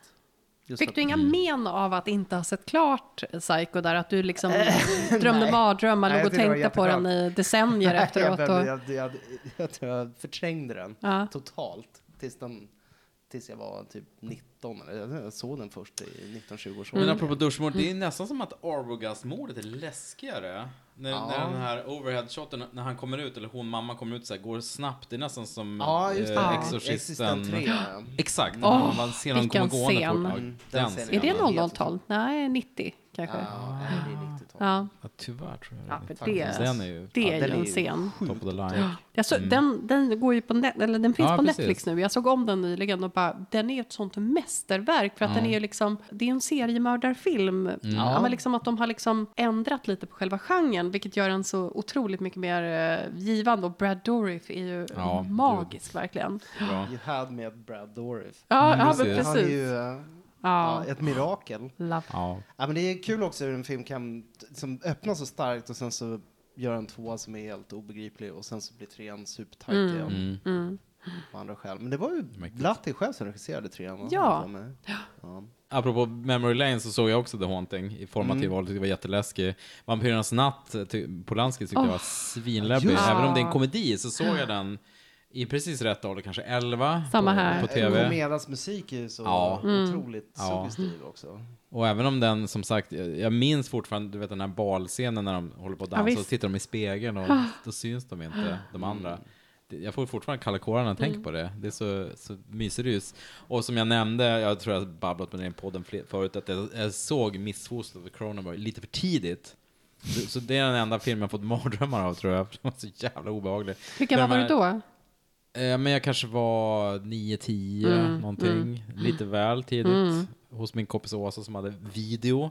Och, och så hade en storbror som var 14-15 och hade en massa skräckfilmer hemma. Så det var ju dumt. Men det, det var läskigt. Men om man tänker på senare år så... ehm, ja, jag, jag ska... Jag har inte kommit fram till ettan än, men du nämnde den filmen, men 2002 så var det överraskningsfilm på Stockholm Filmfestival som jag köpte biljett till. Jag satt längst fram på Skandia och ridån går upp och så är det ju The Grudge då, originalet, Juon från 2002. Och jag på fan på skita ner mig, det var en, det var en jätteläskig film. Mm. Just för det du sa, som vi pratade om tidigare, att man är inte så van vid spr- formspråket riktigt. Den hoppade fram och tillbaka i tid och kronologi och jag hängde inte med och man kunde inte förutse, det var inte det klassiska, ja den här familjen som flyttade in i ett skitstort hus i Connecticut så här. Men vad konstigt det är i barn, barnkammaren. Man var inte van vid språket så då, då var det ännu läskigare. Eh, en annan film, om, om vi nu rör oss mot nutid, så jag vill också nämna Oculus av Flanagan som jag tyckte var riktigt otäck. Ja. För jag känner, även om jag också blivit lite avtrubbad så kan jag, om jag sitter hemma, särskilt om jag sitter hemma och kollar med lurar kanske på datorn, så kan jag få de här härliga rysningarna. Och jag kan ju förstå så att det här är en 3 plus-film, det är inte en femma. Men jag blir ändå rädd. Ja. Det känns skönt att man har kvar det ändå. För att, Ja. att det är så, det är därför man fortsätter gilla skräck, för att man kan fortfarande bli, bli rädd. Men är man inte ständigt på jakt efter det också? Lite grann. Ja, Och jag tror det. ja. Det är, det är det man, man vill ha, man vill ha rysningarna. Uh, Your Next är en sån film som jag inte sett om sen så men den tyckte jag var superobehaglig. Men om jag ska ta, förutom The Grudge, eh, men jag tar inte den eftersom vi pratade om den, så den film jag tyckte var mest obehaglig som jag fortfarande inte vågat se om, som jag tror jag pratade om tidigare i podden, då, då är det ju Frankrike, de här Bustillo, då är det ju Inside då, originalet, inte den amerikanska remake, utan originalet som jag tror är från 2007 kanske. om den här gravida kvinnan som ska, hon ska ju föda barn snart, hemma i lägenheten, lite ruskigt väder ute, så kommer den här mystiska andra kvinnan som är Beatrice Dall och plingar på. Och sen blir det det här fruktansvärt obehagliga kammarspelet, som jag fortfarande kan tänka på och tänka så här, fan vad, vad, vad var det? Var, det var, nog, det var ju just det här med våld mot gravid mage och knivar och den här polisen som blir skottskadad så han blir hjärn, halvt hjärndöd och bara såsar runt så här. Det var så fruktansvärt obehagligt. Apropå slafsiga jakter också. Ja, Ja. verkligen. För djupgående skräck eh, och rysningar och kalla då är det ju inside för min del. Mm. Eller à l'intérieur, som det heter. Bra. Ja, gött. Mm. Detta om detta. Ja, det skulle vara återigen roligt att höra lyssnarna komma med nedslag i de här Mm. kategorierna. Det hade varit Mm. otroligt roligt. Ja, verkligen. Så där är vi väldigt tacksamma. Eh, Alltså bästa går till exempel, det finns ju mycket där att lyfta fram. Det är ju Mm. på, eller alla kategorier egentligen finns det ju Mm. mycket att hämta. Ni får gärna kommentera, ni kan mejla till likapodcast.gmail.com eller kommentera på vår Facebook eller på Instagram så läser vi upp det hemskt gärna i podden sen. Ja. Förlåt, eh, jag bara kom på att läskigaste film, nu insåg jag dessutom, nu har jag dessutom en film från 2000-talet. Ja. Det är ju Mulholland Drive. Oh, Det var ju- snyggt! Det är ju faktiskt den otäckaste film jag någonsin har sett tror jag. Mm. Ja, Nu har jag inget smart att säga om den, givetvis. Men jag Är det bara sopscenen? jag, är så, jag är så förvånad över att jag kom på det. Att, eh, men med här. ja. Lite runt hörnet här så är det en grej. Jag ska bara visa. här, ska Det visa en är så otäckt. Ja. Men det är också Vad, vad heter hela... hon eh, nu igen? Hon som spelar uh, luffaren där. Som spelade nunnan Ja, också i det. uh, The Nun. Alltså, hon Ja, är, det här har vi snackat om. ja. Jag, kommer, jag har inte ens namn top of mind. Men det är också Men en film den- som har en obehaglig stämning som Lynch plägar vara i hela filmen egentligen. Ja. Ja, Och som den är väldigt en drömlik. mara, en ångest, en Ja. liksom. Också sanning, verklighet. Vad, Mm, vad är precis. vad? Va- Vem är Exakt, vem? vad händer verkligen i filmen? Vad är Mm. någon slags dröm? Att karaktärerna byter karaktärer med Ja. varandra mitt i också. är ju- Ja. Det är lite Lynch-stämning. Folk brukar säga, åh vad synd att det inte fick bli en riktig tv-serie med massa avsnitt. Men jag undrar om det kanske var bra. Alltså, Ja. det, det känns ju formfulländat på något sätt ändå. Men Twin Peaks var ju må mot många stycken ett mästerverk, men börjar väl gå lite på tomgång bitvis kanske ett tag. Ja. Lite utdragen, även om jag tycker den var svinbra hela vägen. Firewalk with inte? me är också en oerhört otäck film. Men, men Vilken då, sa du? Firewalk with me. Ja, Men uh, Mulholland Drive är bara så hela vägen Mm. lustig. Mm. Där de besöker den här äh, lägen, när de söker upp hennes lägenhet där. Och Mm. det så- Att, apropå just Juon också, det här, äh, även i, um, ja, för det sker ju dagtid, de kommer till det, vet, när det är en sån här en innergård med en pool och Ja. mm, träffar den här gamla, vad heter hon, gamla Hollywood-legendaren, stumfilms um, skådespelerska. Det är inte Lilian Gish, men typ motsvarande. Mm. Ja, jag vet, eh, eh, allt det här är starkt solljus. Just Juon var ju också en av de här f- första filmerna man såg där någonting var genuint otäckt på dagen. Mm, ja, verkligen. Det är dag- förortshuset och Mm. en sån här banal miljö, men ändå lyckas skapa en sån olustkänsla. Och det är ju inte heller tillåtet. Man, man får ju inte hålla på och vara läskig mitt på dagen. nej, liksom. exakt. Det Nej. är inte rätt. Ja, nej men uh, Mulholland Drive, Bra. sjukt obehaglig. Ja, mycket bra val. Eh, Mulholland Drive är också den film som eh, jag... Eh, när jag såg den eh, på Victoria när den kom. Mm. Eh, så slutscenen kommer, så tänker jag så här om, om filmen slutar nu. för slutscenen var så magisk liksom när de står där inne och de här fantastiska draperierna och silencio och så vidare. Så tänker jag sluta filmen nu, då är det här den bästa filmen jag har sett. Ja. Och så slutar den. Det, Mm. det var, ja. Ja, men det, precis, den tanken har man ofta. Sen är Mm. det tre slutscener till och sen är det slut. Mm. Det blir Men här sä- det blir slutar den sällan- faktiskt ja. på riktigt. Peter Jackson Mm. säger 12 bra. slutscener till. ja. Ja, Nej, men Lynch-. Heja Mm. Lynch. En glad kille. Ja, han faktiskt. verkar ganska glad. Jo, men jag tror han är ganska harmonisk. Han Mm. är Målar, mediterar och... Vädret är vackert. Mm. Klockan är si och så mycket. Mm. Målar är om sitt rum. Han målar om sitt skrivrum Mm. regelbundet. Kollar väderleken. Jag följde hans tw- Twitterkonto när Ja. han rabblade väderleken i Underbart. Fantastiskt. Fint. ja. ja, men vad härligt. Det var jätte, jättekul. Doppa tårna lite i, i genren. Jättekul. Ja. Tack för att du Ja. var med Johanna, superkul. Tack för att jag fick vara med. Härligt. Ha det fint, vi hörs. Hej då.